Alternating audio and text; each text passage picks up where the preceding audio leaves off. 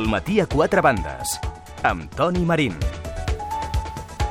Les 10 i 6 minuts aquí estem. És eh, divendres. Es, eh, ens hem quedat amb ganes, eh, de veritat, eh, de seguir parlant amb el president Montilla. Ha estat una entrevista interessant, entenc jo, eh, des del punt de vista de les qüestions de les que ha parlat el, el president Montilla, qui vaticina una gran frustració perquè veu eh, inviable que Catalunya arribi un dia a ser independent. En fi, només el pas del temps ens farà saber si té o no raó amb els seus vaticinis. Víctor Llopart, què tal, Víctor? Bon dia. Bon dia. Aquí no ha sortit el sol avui, Avui Víctor? ha sortit quan passaven 6 minuts de les 8 del matí. I en tindrem sol fins a quina hora? Fins a les eh, 7 i 6 minuts. Per tant, avui tindrem 11 hores exactes de sol. Avui ha pujat una mica la prima de risc, no? Una miqueta. Està en 241 punts bàsics, per tant, una pujada de mig punt percentual. I l'home, ai, l'home, el número del dia, qui, Sí, quin sí, és? és que és un home que ha guanyat 150.000 euros per apostar l'any 2000 que el seu net de 18 mesos jugaria amb la selecció de Gales, que algun dia jugaria. L'avi va invertir 60 euros en una aposta de 2.500 contra 1 i ara el seu net, amb 16 anys, s'ha convertit en l'internacional més jove de la història en jugar dels, en el seu país, superant a Gareth Bale i el seu avi, per tant, s'ha fet ric. Avui fa 162 anys... Que, és, que es publica per primer cop Moby Dick, de Herman Mem Menville, eh, fa 91 anys, que es funda la BBC a Londres. Atenció a aquesta, fa 84 anys que al Canadà una llei declara que les dones són persones. No. Sí, fa 84 anys. Que fort. I avui fa 35 anys que moria a l'Havana Ramon Mercader, el comunista barceloní que va matar Lev Trotsky. Avui la música... Ens la podria portar molta gent, perquè com cada dia tenim molts candidats. Uns podrien ser el Jackson 5, perquè un dia com avui de fa 44 anys feien la seva primera actuació pública. També podrien ser el Simon i Garfunkel, que avui fa 10 anys i després de dues dècades sense fer-ho es van tornar a juntar per fer una gira.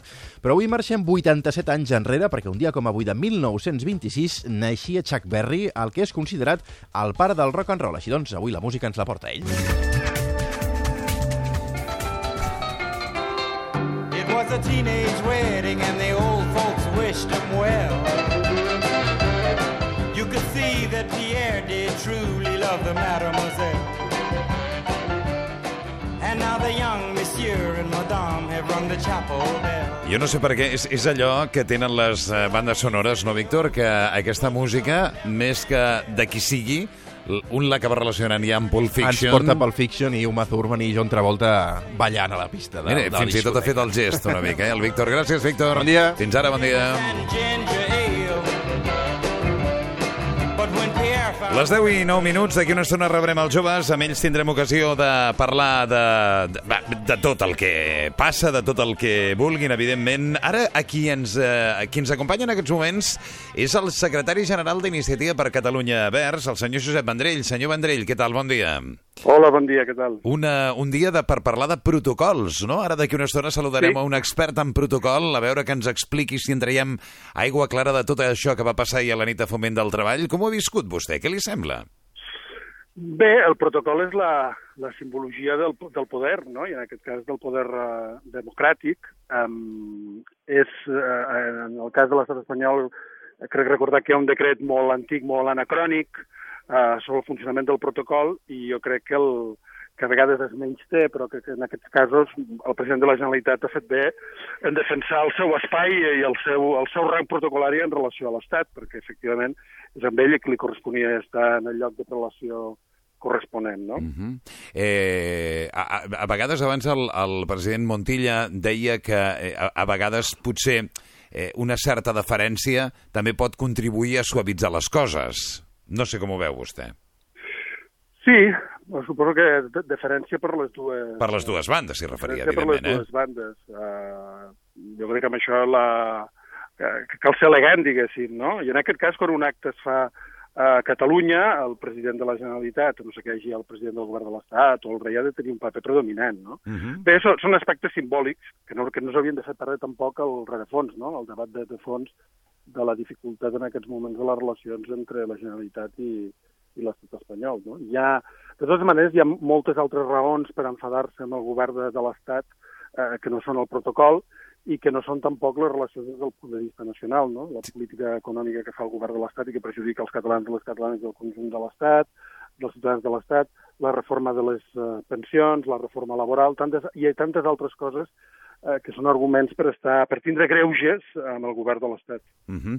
Escolti'm, eh, ara eh, coneixíem ahir no? que les comunitats autònomes hauran d'estalviar 8.000 milions eh, d'euros addicionals. No? Eh, segons el pressupost presentat a Brussel·les, la, la vicepresidenta catalana era contundent en aquest sentit, ni un duro més. Eh, diu que no es pot tocar res més perquè ja hem tocat os, no? el moll de l'os. Sí, nosaltres ja fa temps que ho diem, ja, ja fa temps, ja l'any passat i l'altre ja vam tocar el moll de l'os. No, no hi ha més marge per retallar en salut, en educació, en serveis socials, si és que no volem enfonsar l'economia del país, si no volem un país absolutament depauperat des del punt de vista social, un país en el que està creixent la pobresa i les desigualtats socials, i en aquest cas nosaltres reclamem al govern de la Generalitat una actitud eh, clara, contundent, de desobediència a una mesura que és absolutament absurda fins i tot des del punt de vista econòmic. Molt bé. Senyor Vendrell, li agraeixo molt que hagi estat avui amb nosaltres. Moltíssimes gràcies. Eh? Gràcies a vosaltres. Gràcies, adéu, bon dia.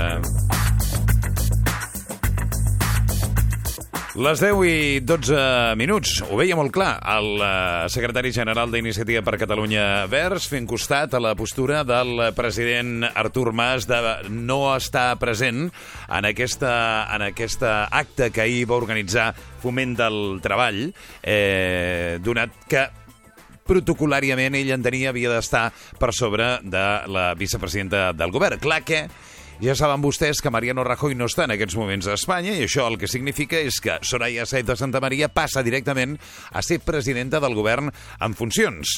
Ens acompanya la dona que tenim com a referència sempre que hem de parlar de qüestions eh, protocolàries. Bàrbara de Senillosa. Què tal, Bàrbara? Bon dia. Muy bien, bon dia, bon dia. La Bàrbara de Senillosa és la directora institucional de l'Escola de Protocol de Barcelona. Va fer bé o no va fer bé el president Mas en anul·lar la seva presència a l'acte de foment del treball, Bàrbara? Protocolariamente no. Protocolariamente yo comprendo que el señor Vendrey tiene las razones. Estamos muy mal con el gobierno central, son malos, nos quitan el dinero, no tenemos más dinero, todo lo que quiera. Pero estamos hablando de protocolo y de educación, ¿eh? Estamos hablando de protocolo de educación. Artur Mas monta una cosa y viene el señor que tiene que venir Rajoy, pero Rajoy está fuera de, de España, ante lo cual manda a un representante. Ese representante tiene categoría de presidente de gobierno. Y, y no hay más. Y no hay más. Lo que pasa no, es que son unas leyes ancestrales que entonces no hemos utilizado porque nosotros en Cataluña no lo utilizamos porque no sé qué, no sé cuántos. Cambien ustedes las leyes porque mientras las leyes también es como tú dices, por esta carretera no se puede pasar. Ah, es que yo siempre paso porque cuando no, pero es que pone prohibido pasar. Si usted no quiere que pase, quite el prohibido, ¿no? Claro, claro. Eh, Es que es exactamente eso. Hay unas normas, las normas, evidentemente, siempre se pueden romper, pero no por una patadita. Estamos enfadados con el gobierno central y lo estamos. Eso es evidente, ¿no? Pero eso es una cosa y la otra la cosa es la educación. Viene fomento, es que pues, los señores de fomento se han quedado con la boca abierta, ¿eh? Eh, una de les coses que hoy hablamos, por cierto, hemos, eh, hem convidat nosaltres avui a la patronal Foment del Treball, mm, que habitualment no posen cap mena de problema en contestar les nostres preguntes, i com saben, el senyor Gai de Montellà ha estat en diverses ocasions aquí al programa, han declinat el, a l'estar presents. Yo lo entiendo hoy, ¿eh? Eh, Yo también, por, no, no sé. por no querer hacer más, eh, ¿no? De, de- Sí, de lo que sí. ya salen todas las portadas, ¿no? Exacto, y no se quieren mojar y primero es que claro ellos han sido los que es, que han sido los que se han quedado con la boca abierta es que ahora viene otro este ahora se enfada y me voy pues ahora manda el otro pero es que eh, eh, Rajoy no está viene de Santa María Santa María también es que ya bastante mal están las cosas para que nos pongamos tontos ¿sabes? Ya, ya. Es que es lo que yo creo, que, que las normas de educación se pactan, estamos, sé que los jefes de protocolo están para eso, ¿eh? Ya. También es bestia que haya pasado en el último momento. Ya. ¿Qué jefes de protocolo tienen? Claro, claro. Bueno, en cualquier caso, lo que es impresionante, Bárbara, es el poder de una silla vacía en una portada de un periódico. Es alucinante, ¿eh? ¿Te has dado cuenta, no? Pero impresionante, sí, sí, sí, es impresionante. Pero además te quedas pasmado, ¿eh? Ya. Porque, ay, ¿qué es esto? Porque queda, parece que en las bodas, en cualquier fiesta, te dicen, contesten, contesten para que no haya sitios vacíos, como para que se quede el trono, ¿no? Bueno, eso lo hemos hablado contigo muchas veces, ¿no? O sea, los esfuerzos que tiene que hacer la gente de, de protocolo para eh, que en las primeras eh, filas eh, todo el mundo tenga su sitio y no haya eh, sillas vacías. Claro, desde el punto de vista de protocolario, lo que pasó ayer es un desastre total, ¿no? Porque Pero un desastre. Un desastre de verdad. Un desastre total porque es la incapacidad de los jefes de protocolo, la cabezonería de unos jefes. Eh, claro, es, es- te lo desmontan todo, ¿eh? Ya. Te lo desmontan todo cuando la base son las negociaciones. Es que no hay nada como negociar. Bueno, Pues veremos. En fin, ¿a la sociedad le hace falta un poco más de educación protocolaria, Bárbara, o qué? Sí, pero es que este tipo de cosas. O pon dos sitios, que cierren los dos, uno que corte. ¿Sabes? Porque es que pasa muchísimas veces. Y más nosotros entre Generalitat y Ayuntamiento, cuando no son del mismo partido. Ujú. Claro, si inauguras una cosa, pues uno que descubra una placa y el otro que corte una cinta. Sí. ¿Sabes? Tienes que hacer dos cosas para que nadie se enfade. Eso todos los jefes de protocolo lo saben. ¿Con quién cierra? Y además era quién cierra el acto. Es que Bueno. te quedas con la boca abierta, sí. Bueno, pues son las eh, cosas que pasan, Bárbara. Eh, sí. La verdad es que nos hemos quedado muy sorprendidos todos. Esa, esa imagen es hoy la imagen que preside por excelencia la prensa, junto a otra noticia que es quién es el padre del hijo de Alicia Sánchez Camacho, que es luego el gran comentario de todo el mundo. Yo no sé si lo has visto yo ya en que la prensa. inseminado. ¿Perdona? Yo creí que se había inseminado. Sí, pero claro, ese, esa, esa inseminación tenía también sello masculino, para entendernos, ¿no? Anda, como os pongáis a buscar. No, sí, ya lo hemos encontrado. Lo han encontrado la gente del mundo. Manuel Pimentel, el que fuera ministro de Trabajo en su día. O sea, eh, ¡Hala! que, uy, que no, Sí, lo no me he enterado. No, míratelo en el mundo, ¿eh? Ay, vale, ahora mismo. Muy bien. ¿Cómo me gusta llamarte siempre, Bárbara? Un beso enorme, muchísimas gracias. a vosotros. Hasta luego, Hasta adiós, luego. buenos días. Bàrbara de Senillosa, eh, que ja ho saben eh, vostès, és la directora la directora de l'Institut eh, de directora institucional, perdó, de l'Escola de Protocol de Barcelona. Se m'havia anat al càrrec. Les 10 i 18 minuts, moment de rebre ja alguns dels nostres joves, que no tots, encara Gemma Botines. Hola, Gemma, bon dia. Bon dia. Repetint i tot, avui, Oh, i eh? tant que sí. No ens tens acostumats a venir dues setmanes seguides. Ja, ja, ja, bueno, és tot un plaer. Estic, jo també, jo estic content que, que hi siguis. La Gemma Botines, que és la portaveu dels avalots de la UGT, ens acompanya també la Gina Giró. Hola, Gina. Hola, molt bon dia. Què tal estàs tu? Molt bé, molt Bé. bé. Amb ganes de cap de setmana, ja. Oh, tothom té ganes de cap de setmana. La Gina té 21 anys, és estudiant de quart d'Economia i de segon de Dret a la Universitat Pompeu Fabra. Acaba d'estar a Oslo. Sí. Que bé, sí, eh? sí, sí. Ha anat molt bé, bé, les bé. pràctiques? Sí, molt bé, molt de què s'ha estat fent pràctiques? De consultoria. Ahà. I com ha anat la cosa? Um, molt bé, estupendo. La veritat és que vaig, eh, vaig treballar molt, però vaja, també és, és això el que anava i he après molt i em sento molt afortunada per haver tingut aquesta oportunitat. la Fantàstic. veritat. Avui s'estrena a la nostra tertúlia, mira l'ell, a Lugo García. Hugo, què tal? Bon dia. Molt bones, què tal? Lugo García té 20 anys, és estudiant, eh, també li agrada la ràdio, i fa ràdio, també, no? A Ràdio Cadaqués, no? Ràdio Cap de Creu, sí, que és de Cadaqués. Ah, molt bé. Perquè, a més, és el regidor de joventut de l'Ajuntament de Cadaqués. Crec que el regidor de joventut més jove que hi ha arreu, no? Bueno, quan vaig entrar fa un parell d'anys vaig ser el regidor més jove de l'estat espanyol. Tenies 18 anys aleshores. 18 anys i 6 mesos. I com és que tan jove i ja regidor d'un ajuntament? Em van enganyar una miqueta. No, tenia ganes de fer coses i, mira, vaig, va sortir l'o- l'oportunitat i endavant. Però em diuen que no vols dedicar-te a la política, sinó a la ràdio o a la televisió. Exacte. No t'agrada la política? Cada cop m'agrada menys. Cada cop m'agrada menys. Mm, ho pensaré, però no, m'agrada més la ràdio i la televisió. Ara fa una estona, ara fa una estona això de cada cop m'agrada menys pot ser el punt de partida de la xerrada, perquè fa una estona estava aquí l'expresident de la Generalitat, José Montilla, i deia que una de les coses que cada vegada són més evidents és aquesta llunyania, no? és a dir, el desencís de la població respecte a la política. La, no, no, estaves escoltant l'entrevista, potser, Gina, que et veig com a sentint amb el cap. Um, no l'estava escoltant, però és una miqueta el pa de cada dia del que s'està parlant durant els darrers mesos i inclús anys. I sentia perquè no em sorprèn en absolut que parléssiu d'això, perquè Vaja, ahir ens vam enterar d'aquest tema Ciutadans, que, per exemple, és un partit que va néixer fa poc i sempre ha fet bandera a transparència, i ara, com a mínim, es posa en dubte. Evidentment, és un tema que s'ha d'anar investigant, però són molts petits detalls que ens fan a tots doncs, dubtar cada vegada més de, de la política, cosa que, per altra banda, no, potser no és justa perquè Home, posar aquest- tothom en un mateix sac mai Sobretot, és... sobretot perquè caldrà veure si és veritat o no. És- Evidentment, és a dir, evident... no, no, ja ho he dit, que A- és un amb- tema que s'ha d'investigar. Com ho diu aquella frase? En bruta que el mal està fet, no? És a dir, mm, esperem a veure si efectivament les proves confirmen aquesta història que avui s'està publicant i en qualsevol cas, doncs ja ho veurem, no, Gemma? Sí, sí, i tant. S'ha de corroborar, però el que sí que està clar és que el, el desencís aquest és real, no hi ha una representació ara de la ciutadania per part dels partits polítics i és el que reivindiquem dia a dia. Ja. Que I escoltin els problemes reals que tenim. jo tinc la sensació també, no sé, no sé què penseu vosaltres, però jo tinc la sensació de que en un moment donat el, eh, estem absolutament predisposats a creure'ns tot el pitjor de la política. O no? A la que, a la que algú diu aquest mm, és sospitós de no sé què, ja no és sospitós, ja és culpable. No? Perquè d'alguna manera avui amb el raonament que feia la Gina, i espero que, que entenguis per què ho diu, ja era segur que sí. No, no, en, precisament jo havia, potser no m'he explicat bé, però estava intentant matitzar que és un tema que s'ha d'investigar, però que no deixa de ser un petit argument que ja neix la sospita i el, el que jo em referia és que la sospita neix perquè no crec que el, la desconfiança sigui infundada, és a dir, ja venim de molts casos de corrupció i de casos de corrupció que no estan sent jutjats com haurien de ser jutjats i, i de moltes coses, eh, com de, deia la meva companya, doncs eh, no hi ha una representació, no, no es donen explicacions com, almenys des del meu punt de vista, se n'haurien de donar. I és per això que es, es fonamenta um, a, aquest tema de que només quan s'imputa algú o quan ni tan sols s'ha imputat algú ja se'l titlli uh -huh. de culpable. Eh, un tema que és molt injust perquè ja per tota la vida se'l veurà així. Clar. Però és, són les petites imperfeccions o molt grans del justícia, de la justícia i de la societat, però en qualsevol cas no crec que la desconfiança sigui infundada perquè ja venim de, de fa molt temps enrere de, de coses que ens fan desconfiar, no? I amb raó, crec. Jo Tu què estic- dius? Estic d'acord, no? Passa com, com ho podríem dir com en el futbol, no? El Real Madrid hi ha quatre que surten de festa, llavors ja ens pensem que tots surten de festa, no?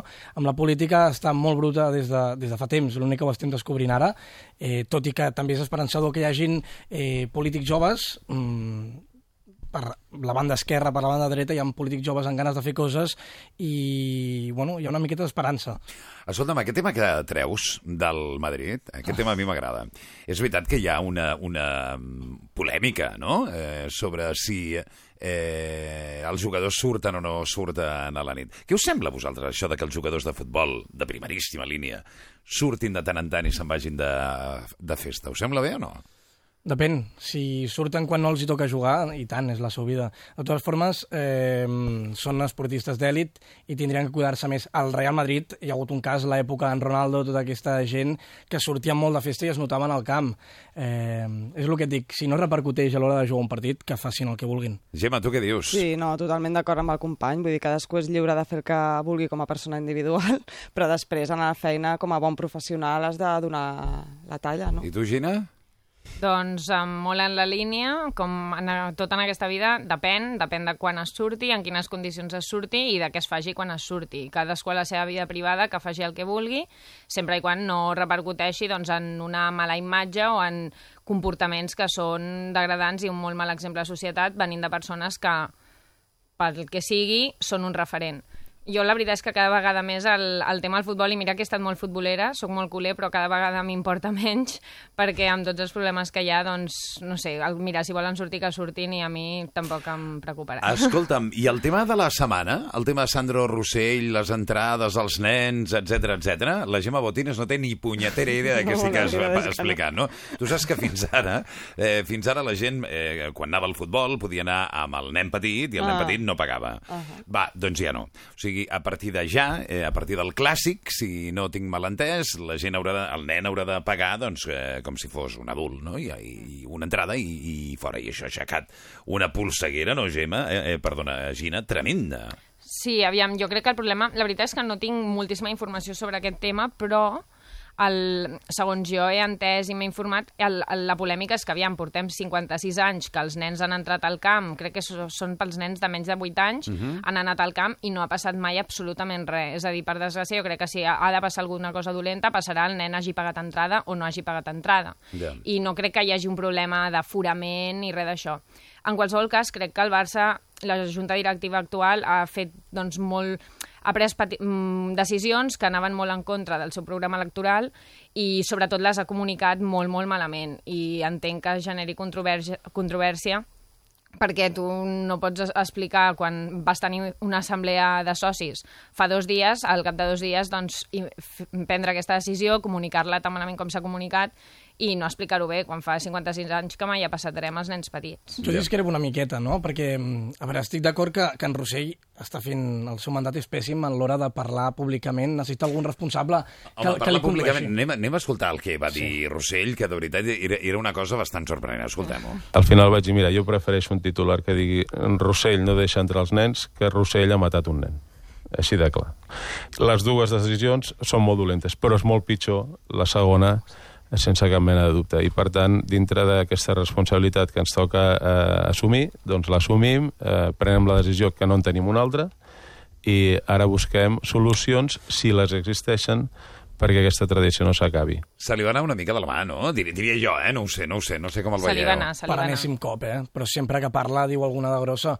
Eh, té- raó, en el sentit de que en un partit com el Barça-Madrid, que van 90.000 persones, eh, si se t'escapa de les mans i, i entren 30.000 nens és perillós. Uh -huh. però, però la manera de dir-ho, la manera d'explicar-ho... No. Sí, la manera d'explicar-ho és totalment insensible, jo crec, però a- estic d'acord amb el tema del cas Madrid-Barça, per exemple, però es podria fer, es podrien prendre mesures excepcionals, jo Mhm. crec. No, no crec que s'hagi de prendre una mesura tan radical de fer pagar entrada a tots els nens petits, i més encara quan el Rossell es presentava com el gran defensor dels horaris familiars, d'anem al camp amb la família. Jo tenia amics que l'altre dia feien retuits de tuits que va fer ell fa temps de anem al camp amb la família. I clar, Sí, és, sí. és bastant És paradoxal, no? Sí, sí. I a més a més, permeteu-me sospitar que no deixa de ser, com deies tu, un reflex també de la societat, que anem privatitzant i anem traient els diners d'on podem i de les persones bueno, més febles de la ciutadania, que en aquest cas són els nens. Ja. Escolta'm, hi ha una cosa que tinc ganes de parlar amb vosaltres des de fa un parell o tres de dies. Ha sortit un informe... Ah, per cert, ara arribarà el Rodrigo, eh? eh ho dic perquè no penseu que avui només sou tres. Eh, ha, ha sortit un informe que parla sobre l'economia submergida a Catalunya. El 22% del producte interior brut. El 22%. Estem parlant de molts diners.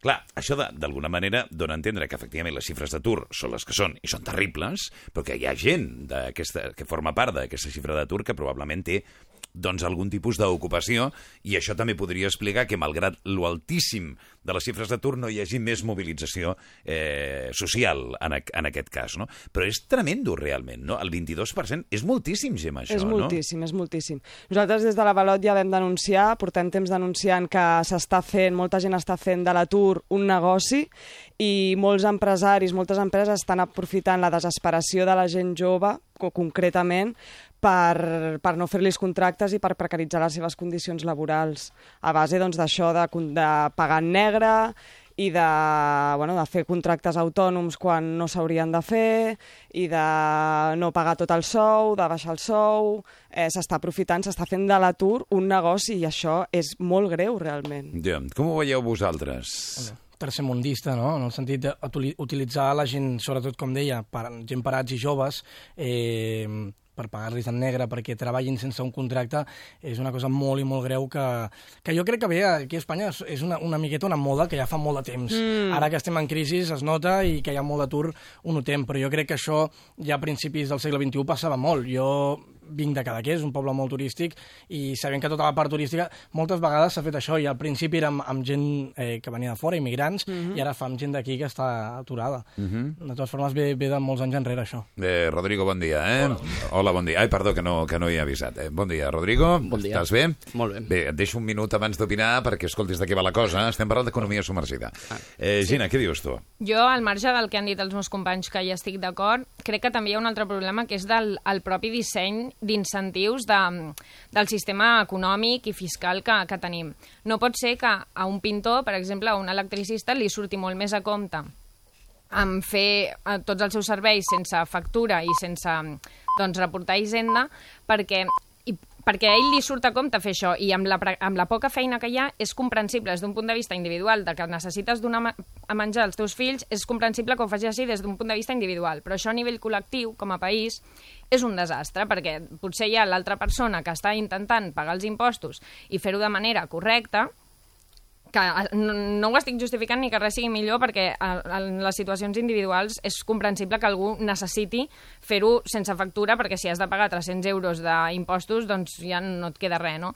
Però el problema és d'incentius, s'ha de fer de tal manera que no sigui tan car, que es faci d'una manera molt més progressiva i no regressiva perquè, mm, perquè si no les classes baixes són les que els hi surten surten més afectades perquè han de pagar un 95% d'impostos moltes vegades i, i les pobres persones que sí que ho intenten fer bé doncs acaben tancant l'empresa perquè no, no són capaces de fer-ho. Llavors aquí es necessita una reestructuració total de tot el sistema fiscal. Déu-n'hi-do, eh? De- Déu-n'hi-do, quina radiografia acabes de fer, Gina, eh? O sigui... Estudio Economia. No, es nota, es nota, es nota. Què diu Rodrigo, si t'atreveixes? Eh, no ho sé, m'han posat el, el listón bien alto. Eh, bueno, el problema és quan hi ha necessitat, hi ha una necessitat veritable de, de fer aquesta economia submergida perquè, perquè no es poden aguantar algunes famílies, algunes empreses. Jo això ho entenc, però és cert que la responsabilitat recau sobre l'Estat, que és qui aplica les polítiques fiscals i que ha de veure quines polítiques són les més correctes perquè aquesta, eh, aquesta economia submergida doncs, acabi. Bé. Sí, a mi m'agradaria afegir una petita, uh, un petit detall respecte al que deien ells abans. Estic totalment d'acord, és a dir, molts empresaris estan eh, fent treballar sense contracte, etc. Però tampoc m'agradaria que caiguéssim en l'error de dir tots els empresaris ho fan perquè volen i tots els electricistes o la gent jove ho fa perquè no té cap altre remei. És a dir, també hi ha molts empresaris que tenen la seva petita empresa i que s'hi veuen obligats. O sigui, no, no associem el terme empresari amb la gran empresa defraudadora que el seu president està forrat. És a dir, hi ha molts petits empresaris a l'economia catalana, el 80% és de petites i mitjanes empreses que ho estan passant igual de malament. I que- Simplement i- volia fer aquest apunt. I es, es juguen la seva casa. Totalment, totalment. I ha jugat la seva casa. Això ho has dit per alguna cosa en concret, eh, Rodrigo? Perquè ho No, has... no, no, no, ho dic perquè hi ha petites empreses que que l'empresari respon personalment Amb de, la casa, eh? dels deutes casa. i potser una d'aquestes responsabilitats és la seva, la seva casa. Això, això ens ho havia dit el president de la, de la PIMEC fa uns dies, el senyor Josep González. Es referia sobretot a petites empreses, eh? a petites empreses que, evidentment, doncs, clar, no tenen un altre capital i què fan? Doncs posen la, la casa, no? Però si escoltem el que ha dit avui el president del Banc de Santander, ho heu sentit o no? Eh, teniu auriculars a mà? Ho dic perquè el, els, eh, les paraules del senyor Emilio Botín, de veritat que no tenen pèrdua. Escoltem, escoltem el, que, el que ha dit. La confianza en España ha aumentado de una forma que no os imagináis. ¿eh? Todo el mundo tiene interés en invertir en España. Todo el mundo. Está llegándonos dinero, pero de todo. Está llegando dinero a la bolsa, está llegando dinero a la deuda española, está llegando dinero para hacer inversiones. Deixeu-me que eh, saludi un moment a un col·laborador del programa, el professor Gonzalo Bernardos. Professor Bernardos, què tal? Bon dia. Bon dia. Gonçal, què et sembla el que, el que diu el president del Banc de Santander? Pues escolta, és el que hem parlat moltes vegades, que en Espanya la macro té molt poc que veure amb la micro. És a dir, eh, indiscutiblement des de fa un any i mig, però ja no t'he dic, des dels darrers sis mesos, no és que veiem la llum al final del túnel, és que la llum s'ha apropat al govern del PP. I, i un efecte sort, derivat de la mala marxa principalment del, dels mercats emergents i derivat de que en, en Espanya, per primera vegada en molt temps, les exportacions de béns i serveis superen a les importacions, ha tret a capitals estrangers. Aquesta atracció està ben motivada principalment per l'entrada en les carteres immobiliàries dels bancs, comprant gestores i després comprant actius. En segon lloc, en eh, projectes en el sector turístic i en tercer lloc en el reforçament, més que en la nova inversió, del que és la capacitat productiva de diverses plantes, en aquest cas principalment automòbils. Indiscutiblement, Espanya, que s'ha convertit en el Vietnam o la Indonèsia d'Europa, eh, té bona pinta per a aquells que volen agafar i volen produir basant-se principalment en reduïts salaris. Entre altres coses, estem veient una gran deslocalització de textils. I és no des d'Espanya cap a la resta del món, sinó des de mm, Xina, Indonèsia, Vietnam, cap a Espanya. Per la- Els costos logístics són inferiors, les tirades que necessiten les empreses perquè venen menys, menys són més reduïdes i ara surt més rendible, ja sigui per salaris, ja sigui per, apropa, per, per apropament, produir a prop. Ara, de tot això, les famílies no s'han assabentat res. Però és el pas previ per arribar a que les famílies se n'assabentin? Sí.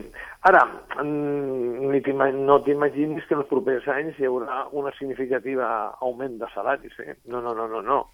Uh, si tu tens com a empresari una, una situació en què pots escollir 4 milions, 5 milions de treballadors a la teva disposició per ocupar qualsevol vacant i tens una legislació laboral després de la reforma laboral que et beneficia per complet i que pràcticament és quasi gratuït acomiadar el, el que és els empleats, perquè són 20 dies per any treballat amb, amb 12 mensualitats com a màxims.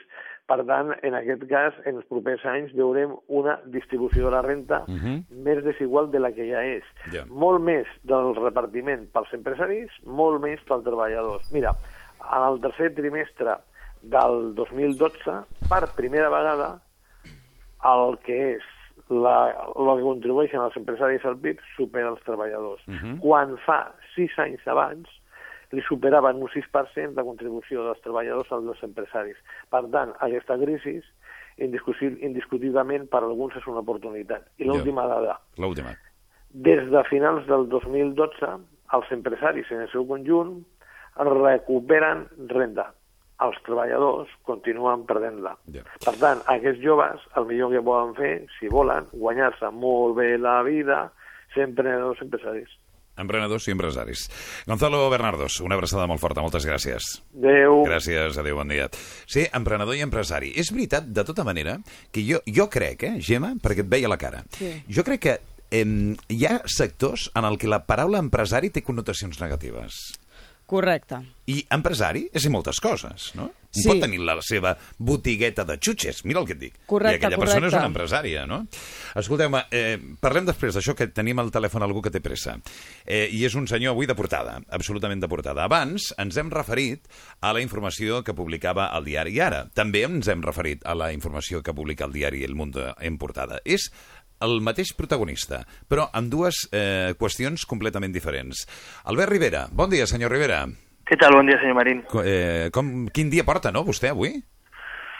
Bueno, doncs jo estic molt, molt, molt bé, molt tranquil i, i la veritat és que sí, que els diaris i les notícies són com són i, i un s'hi acostuma ja a veure coses diferents en diaris diferents. El tenim a la portada del Mundo amb eh, l'arribada de Ciudadanos a tot Espanya eh, i confia en que realment doncs, pugui tenir el mateix èxit que d'altra banda ha tingut a Catalunya?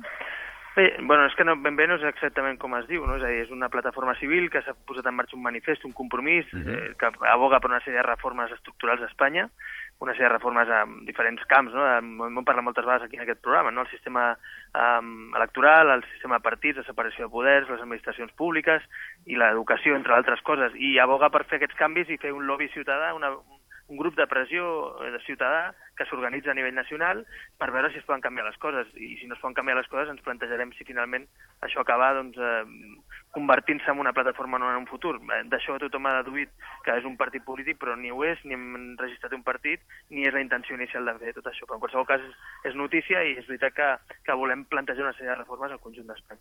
Senyor Rivera, l'altra notícia imagino que no li fa tanta gràcia. La sindicatura amplia el rastreig a l'entramat de Ciutadans. És com titula el diari Ara. L'ens fiscalitzador requereix informació sobre Egara Civitas. Eh, què hi ha de tot això, senyor Rivera? Doncs miri, jo sincerament no, no, la veritat, no, anava a dir que no entenc, sí que ho entenc i, i em guardaré més, més valoracions perquè, perquè crec que aquí s'ha de fer la feina ben feta i el que s'ha de fer és, si la sindicatura de comptes de Convergència i Unió eh, li demana a Ciutadans informació sobre una fundació inactiva que no té un duro de sentit ni públic ni privat i ens demana informació sobre una associació que estava des de fa 5 o 6 anys funcionant que, que fa 3 anys que ni tan sols rep, un diner públic i ens demana una informació, estarem encantats de que vinguin a la nostra seu, que ho investiguin tot, que vegin els nostres comptes corrents perquè no tenim res a amagar. Ara, a partir d'aquí, em sembla increïble, la veritat, eh, que tot això que no és res, que és un bluff, eh, es converteix en una portada de diaris, però també és veritat que no tinc res a dir en que cada diari fa el que vol i cada diari rep les subvencions de qui vol. Hi veu una certa intencionalitat política? Home, si hi hagués alguna cosa darrere, ja li dic jo que diria, miri, estan investigant una cosa, hi ha una cosa darrere, hi ha una cosa que no està clara, i llavors li diria, miri, doncs estan investigant una, una, no sé, una, un cas de corrupció, estan investigant una cosa que és irregular, però clar, quan estan tirant d'una fundació inactiva que està, eh, que hem publicat i hem dit fins a l'últim cèntim que tenim, que no tenim un duro, que té una aportació del partit, hem fet un comunicat amb totes les dades, amb, amb, amb dates, hem explicat tot, eh, ja no sabem què més fer. I, home, que això es filtri des de la sindicatura de Convergència i Unió, del govern, o la que anomena el govern, eh, en aquest cas a diaris, quan no hi ha res darrere, i bueno, li poden dedicar una portada, dues o 40, però al final no hi ha res, amb la qual estem molt tranquils i de veritat que convidem a tothom a que vingui a la nostra seu on vulguin a, a, a explicar-ho tot. I també que si ha de demanar una cosa a la Fundació o en aquesta entitat o aquesta associació, doncs que li demanin amb ells i que els expliquin tot el que hi ha, perquè és que estem parlant, sincerament, en un cas de- d'una fundació inactiva, com ja hem explicat, per activa i per passiva, i l'altre cas una associació eh, que està vinculada a, a Ciutadans, igual que està vinculat a altres associacions o fundacions, a altres partits polítics de Catalunya, per ser la que rep més, menys diners i l'única que va renunciar a rebre subvencions des de fa 3 anys, amb la crisi econòmica. Molt bé. Senyor Rivera, li agraeixo molt, que em consta que té pressa. Gràcies per haver estat avui amb nosaltres. Gràcies, bon dia. Gràcies, adéu, bon dia. Albert Rivera, el president de Ciutadans, no sé, Gina, si tu vols comentar alguna cosa. No, vaja, em sembla bé les explicacions que ha donat. Ja, va, jo tampoc sé el, si el que ell diu és cert o si no és cert. Vull dir, tampoc puc, exacte, no puc jutjar-ho. Em sembla bé que doni les explicacions, que digui el que ell pensa i el que és, segurament, i no el titllarem de culpable ni ell de Ciutadans abans d'hora. Eh, anem enrere, anem allà on teníem el tema. Parlàvem de la paraula empresari. Que, Això. Que, teni, que, que, que, que és veritat, que, que per alguns, jo veig que quan dius empresari, pensen directament en grans comptes corrents i efectivament eh, mm, empresari ho pot ser qualsevol, no? Mhm.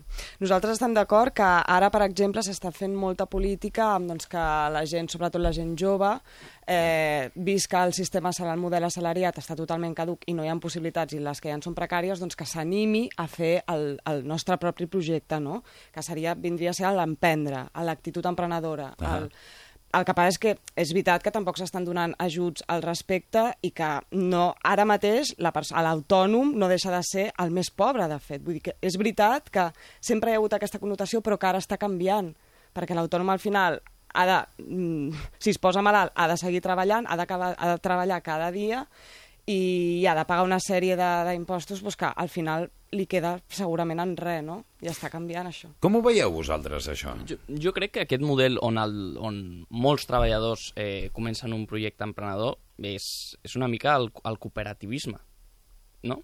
Bueno, És on el treballador comença a ser el seu... També s'està donant molt, també. Sí, que sí, sí. que s'està donant molt i crec que és un, crec que és un, és un model per, pel qual hem de- hem d'apostar perquè crec que és, crec que és una alternativa i una possibilitat a, a tot el que hem tingut darrere.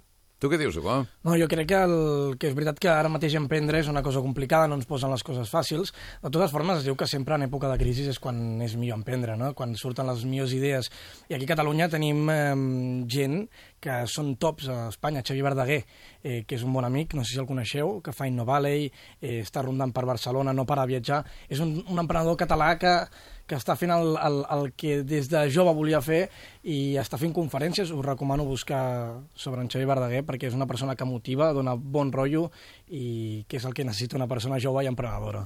Sí, Digues, però eh, també, o sigui, el, el teu company potser té una sèrie de recursos que una persona potser amb menys recursos no, té la, no pot tenir la mateixa capacitat d'emprendre, no? Tot i tenir una vocació i un gran projecte i ser una gran persona motivada. Segurament, segurament. No, no, i, tant? I tant, la gent té que tindre recursos sempre. De totes formes, quan va començar ell, no sé, molt jove, perdoneu, eh, segurament no tenia tants recursos com té ara. Mm. El que vull dir amb això, vull fer aquesta reflexió a tots els joves que ens estiguin escoltant, és que és, és un bon moment per tindre idees, és un bon moment per emprendre, és un bon moment fins i tot per sortir de casa i viatjar. Eh, als Estats Units ara mateix, tota la zona de Silicon Valley és un lloc ideal que ara mateix està buscant gent jove per emprendre, per fer nova, nous projectes. Saps anglès? Sí, bueno... Eh... Tu se't dona bé l'anglès? Perquè, perquè aquí tenim un problema si, maco, eh, però això. si als Estats Units tothom parla castellà, si estan tots aprenent A castellà... Nova York et passa això. No, no. I a Silicon Valley també. I a és Silicon eh? Valley hi ha, molt, també. hi ha molts de Hi ha, Barcelona. hi ha més castellanoparlants als Estats Units que a Espanya. Però per què ho dius, això? O sigui... Perquè esperem un parell d'anys i ja... Rodrigo, que deixa, deixa.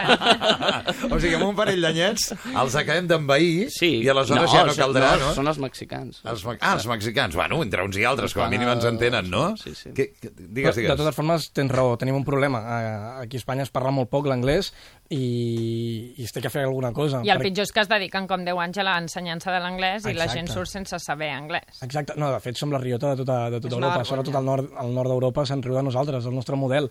Um, Holanda, et poso un exemple, Holanda amb 4 anys parlen anglès, perquè totes les sèries, totes les, eh, les pel·lícules les fan en versió original. Ja, Aquí és, una- el punt clau, jo crec, eh? És La un- tele. La, sí, sí, Hem- és, hem- és el punt clau, perquè jo que vaig estar a Noruega anava a tot arreu, una botiga de roba, un supermercat, eh, la, el quiosc, tothom parlava anglès perfecte. I jo els hi preguntava, escolta, tu què creus que el, mo- el model d'ensenyament és boníssim o tal? I em diu, no, que des dels 3 anys mires els dibuixos animats en anglès i potser al principi no entens res, però després s'aprèn. I jo crec que, um, crec que a França també es doblen, no?, les pel·lis, si no m'equivoco. O, bueno, almenys en- a Espanya crec que és un gran punt dèbil que és que no hi ha necessitat tampoc, vull dir, mm, estem tots molt acostumats, però si tots ens acostuméssim a veure les pel·lis doblades des de que som petits, uh, és que no és un valor afegit tampoc que estigui doblat, i uh, ens acabaríem acostumant, acabaríem parlant tots molt millor anglès i Mhm. tindríem molt millors oportunitats, perquè l'idioma per molta gent és una barrera a l'hora de viatjar i d'anar a altres països a buscar oportunitats. Què vols dir, Gemma? Però jo crec que això es pot relacionar precisament amb el que deia abans el company Gonzalo Bernardos, que és realment Espanya no vol competir amb França, amb Holanda, amb Noruega, amb els països del nord europeus. Vol competir amb països subde subdesenvolupats on l'anglès realment no és una competència a favor. A base no de tallar estem salaris. Clar, no, però jo, jo crec que el, les persones que estan governant no és que no vulguin competir, és que no en saben poder. Tenim... Mm, estic d'acord. Mm. No, volen No crec- competir, però, tant, però però en països no subdesenvolupats, Mm. per ser els millors, els primers dintre, amb mà d'obra barata, en els països subdesenvolupats. Doncs ja ens podem No en preparar, el primer eh? món. Jo, de fet, de fet diria que eh, més que no en saben, que no que volen competir amb països menys desenrotllats, més desenvolupats que, que no pas Noruega, Holanda, els països que comentàvem. Eh, qui ens governa? No? No, no cal mirar sèries d'humor, i és veritat, mires una estona al Parlament i te'n rius molt, eh, escoltes en Botín i rius, com vols que aquesta gent vulgui Escolta'm, optar per el, un el, projecte... perdona, el Botín li va molt bé, eh? Sí, no, no, per suposar... Botín sí que és un home que No. està competint a nivell mundial i amb les... ah, No, Botín, Botín sí, sí, sí que és el que mana. Però, Però, crec que exacte, mana més Botín per- per- que el Parlament. Sí. Per suposat, de fet, és que Botín deia és que tenim injeccions de diners impressionants, i té raó, és veritat. Els donen un 1% d'interès, si m'equivoco, un 1% d'interès, i després ho cedeixen a, l'Estat amb un 4,3% d'interès, Sí, és però veritat. el problema del jo que... també faig així el negoci. El problema, el que comentàvem abans, és que aquests guanys bursaris en inversions, que és cert, des de que se'n va allunyar l'ombra del rescat, um, hi, ha- hi ha molta gent que ha guanyat milions a la borsa. De fet, en aquest últim any, 47.000 persones a Espanya s'han fet milionàries. Des de mitjans de 2012 a mitjans de 2013. És una dada... El problema és que la riquesa en aquest sector de la borsa i dels mercats financers està molt mal repartida. I és, és, hi ha molta desigualtat en els mercats financers. Què dius tu, Rodrigo, que fa estona que no t'escoltem? No, que sí, que no sabem qui ens mana. O sigui, la sobirania la van perdre fa molt, molt de temps, molt de temps. Tu has pensat en muntar una empresa? Eh, avui no. Demà veurem. Dilluns, no? Demà, demà t'ho trobaràs Demà tancat. dissabte, sí. No, doncs descansarem aquest cap de setmana. No, però tu has plantejat alguna vegada o no? Eh, sí, alguna vegada sí, però bueno, has de, has de tenir una idea. Un- D'entrada manca la idea, no? Pot Això tenir, és el- el pot tenir de moltes tot, no? idees i després de tenir moltes idees, doncs mira a veure què... Buscar pot finançament i aquestes coses. Hi ha, hi ha moltes iniciatives per aconseguir finançament. Sí. Hi havia la cosa aquella, que jo no me'n recordo ara com es diu. Crowdfunding. Ara, el crowdfunding és una altra Està història. molt de moda als Estats Units, el crowdfunding. I, I aquí, i Aquí ara aquí. L'altre dia vam entrevistar la gent de Berkami, que estan fent una tasca fantàstica d'aconseguir Ah. finançament per, per un munt de gent.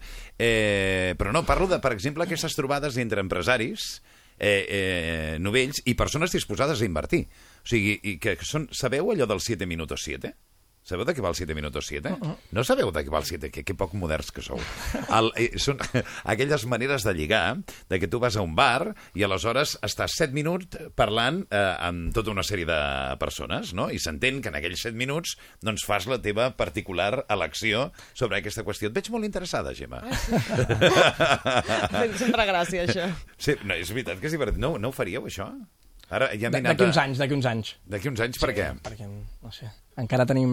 Som joves, no? No, però no, no ens cal res, fer aquestes coses. No té res a veure amb la joventut, això, eh? No, no, no, no, no, no, no, no, no, no vull dir això, eh, que després algú es sentirà al·ludit. No, però el que dic és que jo crec que està molt bé, és divertit, eh, pot ser molt divertit, però si la finalitat és lligar, prefereixo lligar d'una altra manera que no anar en un, en un lloc a sentar-me 7 minuts i fer el discurs i no sé, O no, no és la meva manera de lligar. Perdona, hi ha molta gent que disposada a seure 7 minuts en un lloc i llançar el discurs, eh? Val, val, val, però no és la meva manera, no és la meva manera. digues, digues, que anaves a dir, Gina. No, no, anava a dir que sempre ens, ens fas quedar com els més antiquats en aquesta tertúlia. No, és que, és que clar, no ho sabeu. Ets molt modern. Jo sóc molt modern, però no en tingueu cap mena de dubte. No, Rodrigo, jo sóc de la seva opinió. Jo ara no ho faria, però mai se sap. Mai se sap. Mai no? se sap. Això, mai se sap el que pot fer una persona, en definitiva, segurament. I això és veritat, no? Que un es munta el projecte de vida i després la vida va passant el que va passant, no? És millor no, no fer-se moltes expectatives i I, gaudir anar- el i anar present. fent. Anar fent. I anar fent. Home, però amb una certa perspectiva de futur, Sí, però també. mentre sàpigues una miqueta on vas i que les passes que estàs fent ara són correctes... Sí? I tu sempre important. saps on vas i que les coses són correctes? No, però no, no em refereixo a saber on vas exactament de què vols, tal, però com més en abstracte, no? Qui vols ser i més o menys què és el que t'agradaria estar fent en aquesta vida per sentir-te feliç i si penses el que estic fent ara m'està conduint, el que passi d'aquí un mes, doncs Això és ja fantàstic. veurem. eh, vosaltres penseu que el que esteu fent en aquesta vida us porta a ser feliços? Mira cap a on ens porta la conversa avui. Cap a on ens porta la vida. Ah, això tu sabràs. Què fas tu? No? Clar. Quin, quins eh, camins vas obrint? Home, quins... Jo crec que hem de, hem de ser feliços, sí. Sí. O sigui, segur, hagi el que hagi, hem de ser feliços. I el camí a la felicitat és l'amor. És l'amor? Sí. Ah, molt bé. Sí. Llavors, s'estimen, són feliços. Però... Estic d'acord, ja. Tu estàs d'acord? Jo crec que és un kit una mica més gran. Amor, altres coses, no? Per, Com per què? ser feliç. Mira, et diré pues, com tindre una bona feina, com fer el que t'agrada realment. Jo crec que això és el principal, més que l'amor, fer el que t'agrada, que també està lligat amb l'amor. Però el que vull dir que, mm, que és un kit bastant Jo crec gran. que les dues coses són molt claus.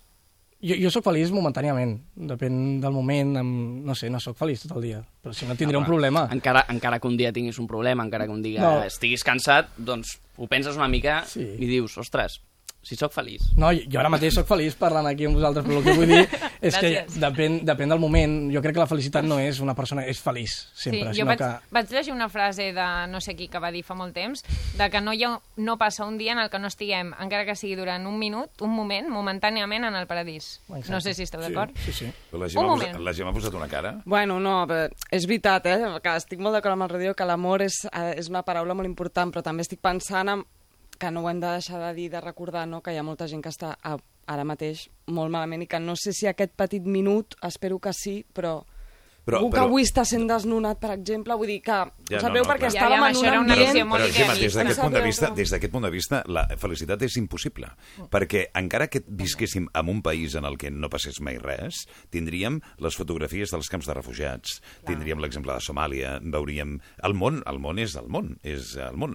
És veritat que hi ha, mm, a vegades, un instant Probablement hi ha un instant per tot. Hi ha un instant per recordar tota la resta i hi ha un instant d'humà mm, i, i, i necessari egoisme egoisme, i jo no sé si dir-li egoisme, no? de, de sentir-se feliç un en si mateix. No? Per cert, això, això us ho volia comentar. Hi ha qui diu, ara que parleu de l'amor, no? com basant molt la felicitat a l'altra persona, hi ha qui assegura, molts experts asseguren, que només si tu estàs bé amb tu mateix, pots acabar estar ben eh, amb l'altra persona. Que basar la felicitat en un tercer, que sempre és un error, diuen. No sé què penseu. És, és, és en un tercer, que un, jo sóc un, Que l'altra la, te persona que la són teva dues... felicitat depengui d'una altra No, persona. es- està, Rodrigo, està, què passa no, avui? està clar que si jo no, si jo no em sento bé amb mi mateix, jo no puc sentir-me bé amb una altra persona. Això jo crec que... Sí, en el moment en el que tu depens molt d'una altra persona, del que et digui, del que faci per estar tu bé, aquest és un problema. Per això és important a l'estar fent el que a un li agrada. Una persona no pot dependre només de l'amor d'una altra persona. Primer t'has d'estimar tu mateix per donar el millor a l'altra persona i, i això és el que et farà realment feliç, jo crec. Sí, sí, no, estic d'acord, és veritat. De totes formes, és, a totes, um, a qualsevol cosa, si tu no estàs bé, repercuteix amb els altres. Eh, una persona que té un mal dia es nota. Quan veus una... es nota. Es nota, Gemma. I tenint en compte el que jo mateixa deia abans, sí que és veritat que si tots ens apoderem amb nosaltres mateixos i traiem la força i l'amor que portem a dintre, podrem ajudar-nos tots entre tots. Veus que maca? És la... Està, està molt bé. Uh, voleu tenir fills? És cert. Avui, avui m'agrada molt aquesta tertúlia perquè estem traient temes que normalment no en parlem, no? Està molt bé. Voleu tenir fills o no? Als 40 anys. Als 40 anys. Sí, com més tard... No, no, ho dic de veritat, eh? no és una broma. Com més tard, millor. Això és perquè ets home, no? No, No, però perquè- Jo al contrari. Jo com el Rodrigo, jo quan més aviat millor. No, no, Com i- més aviat millor. Aviam, no et dic ara, però 40 no. A quina edat voldries tenir-lo, Gina? 28. És que això mai es pot dir, perquè basta que digui 28, perquè després jo què sé, saps? Però a mi, abans dels 30, m'agradaria tenir un fillet, de La, veritat. la meva mare me tindrà amb 42 anys, eh? Sí, però que no dic que no. 40. Jo, Ah. jo dic el que m'agradaria. Què, què dius tu, Gemma? Que m'han tingut amb 40, he tingut pares grans i he sigut molt feliç. Ah. Sí, tant, jo també. Tu què dius, Rodrigo? Jo, eh, jo no és per la felicitat dels meus fills, sinó és per la meva felicitat. Llavors, eh, crec que és millor tenir-los abans i després eh, gaudir una mica del, del temps lliure. Que, Sí, i que, també, sobretot, jo crec, per l'atenció que li has de donar al fill i tal, perquè a mi, per exemple, mai ets a però m'agradaria tenir més d'un fill. Llavors, si comences molt tard, ja biològicament estàs més cansat. Vull dir, jo no conec el vostre cas perquè a mi els meus pares em van tenir de jove, però jo crec que ja sempre és com el tercer fill, li dones menys atenció, estàs més cansat perquè és natural, vull dir... I a mi m'agradaria doncs, tenir-los jove per poder-hi dedicar-me i després, quan ja siguin grandets, doncs, gaudir de la vida. Jo sóc el tercer, eh? Em van, em van, em van donar carinyo. No, Et van donar carinyo, Em van donar carinyo. Bueno, a la meva No germana... estava- Jo sóc la gran i em feia moltes bronques, i a la Va. meva germana petita, de... que és la tercera, A mi també em no passa el tant. mateix. Ah, Tu tens una edat, una germana, doncs, de quina edat, Gina? de 10 anys. De 10 anys. I, bueno, hauria de... És incomparable, vaja. Ella fa coses que, si, quan jo les feia, es muntava la Guerra Mundial a Posa- casa. I ara una- és, evitem bronca, Gina. I jo se faig de mare. Posa'm, posa'm un exemple d'això. De tot, des d'insistir. L'altre dia estàvem arribant de Madrid a les 9 de la nit i la meva germana estava donant el cunyàs de que volia anar a la fira. Volia anar a la fira, volia anar a la fira. I vull dir, és com totes les transigències, que es- tot es permet, tot es permet, almenys eh, en el meu cas, eh, que el nivell d'exigència en tot, en el fes els deures, en el eh, no et portis malament, no contestis, eh, menja't això, és molt més reduït amb el tercer que amb el primer. Llavors és per això que a mi m'agradaria començar el més aviat possible per tenir energies per aguantar-los i estimar-los. I estimar-los. O sigui, o sigui que fonamentalment el teu problema és que vols tenir els fills joves per tot el que t'ha de venir, no? De tenir, de tenir No, però no, no ho veig com una càrrega, ho veig com una cosa que em fa molta il·lusió i per això vull fer-ho jove quan tingui totes les capacitats i ganes de fer-ho, no? Què estarà passant per la, pel cap del Rodrigo? Mira quina mirada. No, no, sí, jo es- estic d'acord. O sigui, jo crec que quan abans millor i t'ho treus de sobre. Sí. No, no. Però... No, i també, i també això ja no... O sigui, no vull que ells se sentin al·ludits ni res, però està demostrat mèdicament, i ells evidentment estan perfectes, però mèdicament està demostrat que és millor tenir-los jove per un tema de que tot vagi bé, no? Sí, no? Vaja, Això està demostrat, crec, no? Gemma, tu has parlat poc d'aquest tema. Ah, no, jo no crec en aquests estudis. Vull dir, jo, com ell, sí. ens reafirmem en que ens han tingut Ah, va, va. grans i que hem, hem estat tant els nostres pares com nosaltres bé. Tampoc el... em, Hi ha molta gent que té la, la, la imatge de tenir un fill i que això significa que s'aturen moltes coses. Ja, sí. I és, és evident que marca un abans i un després. És evident, no? Clar. Però també hi ha gent que fa moltes coses amb els seus fills, no? És a dir, que, Clar que sí. que hi ha una imatge que, que escolta'm, cadascú la, la porta com la porta, no? Bueno, acaben unes coses i comencen unes altres. Exacte. No, i jo no crec que sigui incompatible. Tu pots seguir fent moltes coses amb els teus fills, però és evident que hi ha un cert tipus de coses que jo crec per la bona, bona diligència d'un pare haurien d'acabar, no? O almenys reduir-se. Canvia la vida tenir un fill. És que crec que si no te la canvia Clar. tenim un problema, no? Què fareu aquest cap de setmana? Jo, mira, ara mateix agafo l'AVE i cap a Cadaqués. Ah, te'n vas a Cadaqués, sí, no? Passar el cap de setmana i a fer algunes cosetes. Clar, durant el cap de setmana, tu com a regidor et toca treballar o no? Dilluns eh, i dimarts al matí quan no hi ha classes per la tarda i si no els divendres normalment també hi soc al matí. Ah, molt bé, a l'Ajuntament. Exacte. Ah, molt bé, molt bé. Senyor regidor, ha estat un plaer tenir-lo amb nosaltres. Igualment, moltes Continua gràcies. sent el regidor més jove d'Espanya o ja no? No ho sé, no, no en tinc constància. No en tens constància? No, no, no. Bueno, Bueno, ja em faig gran una miqueta. Eh? Bueno, sí, tens, tens 20, 20, 20, 20 anys, 20 anys, 20 tens anys. 20 anys. Escolta, diu, ja em vaig fent gran, hauria d'estar prohibit aquest tipus de comentari per llei. O sigui, això hauria d'estar penat amb penes de presó, fins i tot. Eh? Hugo, gràcies per haver vingut al nostre programa, benvingut. Esperem que vinguis més vegades a la nostra merci. Toni. Rodrigo, què fas tu aquest cap de setmana? Jo no ho sé, però un d'aquests m'hauria d'anar a Cadaqués, que tinc ganes d'anar. Maco, cada que és, no? Sí, sí. Sí que és maco. I no, aquest cap de setmana, no sé, no faig plans amb tanta antelació. Avui et veig una mica sobrat, a tu. Sí, Va, és la confiança. Eh? és la confiança, sí senyor. Giva, tu tens plans o no? Eh, bueno, sí, el dissabte intentarem descansar, el diumenge ens toca anar a militar explicant les causes de l'atur juvenil a una conferència que ens han convidat, bueno, pa de cada dia. I tu, Gina, què? Jo avui tinc dia mogudet i demà pel matí agafo el cotxe i me'n vaig a Pamplona. Ah, Pamplona. Tu no pares, eh? No paro. T'agrada donar-li la sabata, que deia la meva mare. I tant, i tant. Molt bé, que us ho passeu molt bé, ens veiem molt aviat. Moltes gràcies a tots quatre. Gràcies. La, la Gina Giró, el Rodrigo Martínez, la Gemma Botines i Lugo García. Arribem a les notícies de les 11 i després arriba Camil Roca amb el món de la publicitat. Tornem de seguida. Fins ara.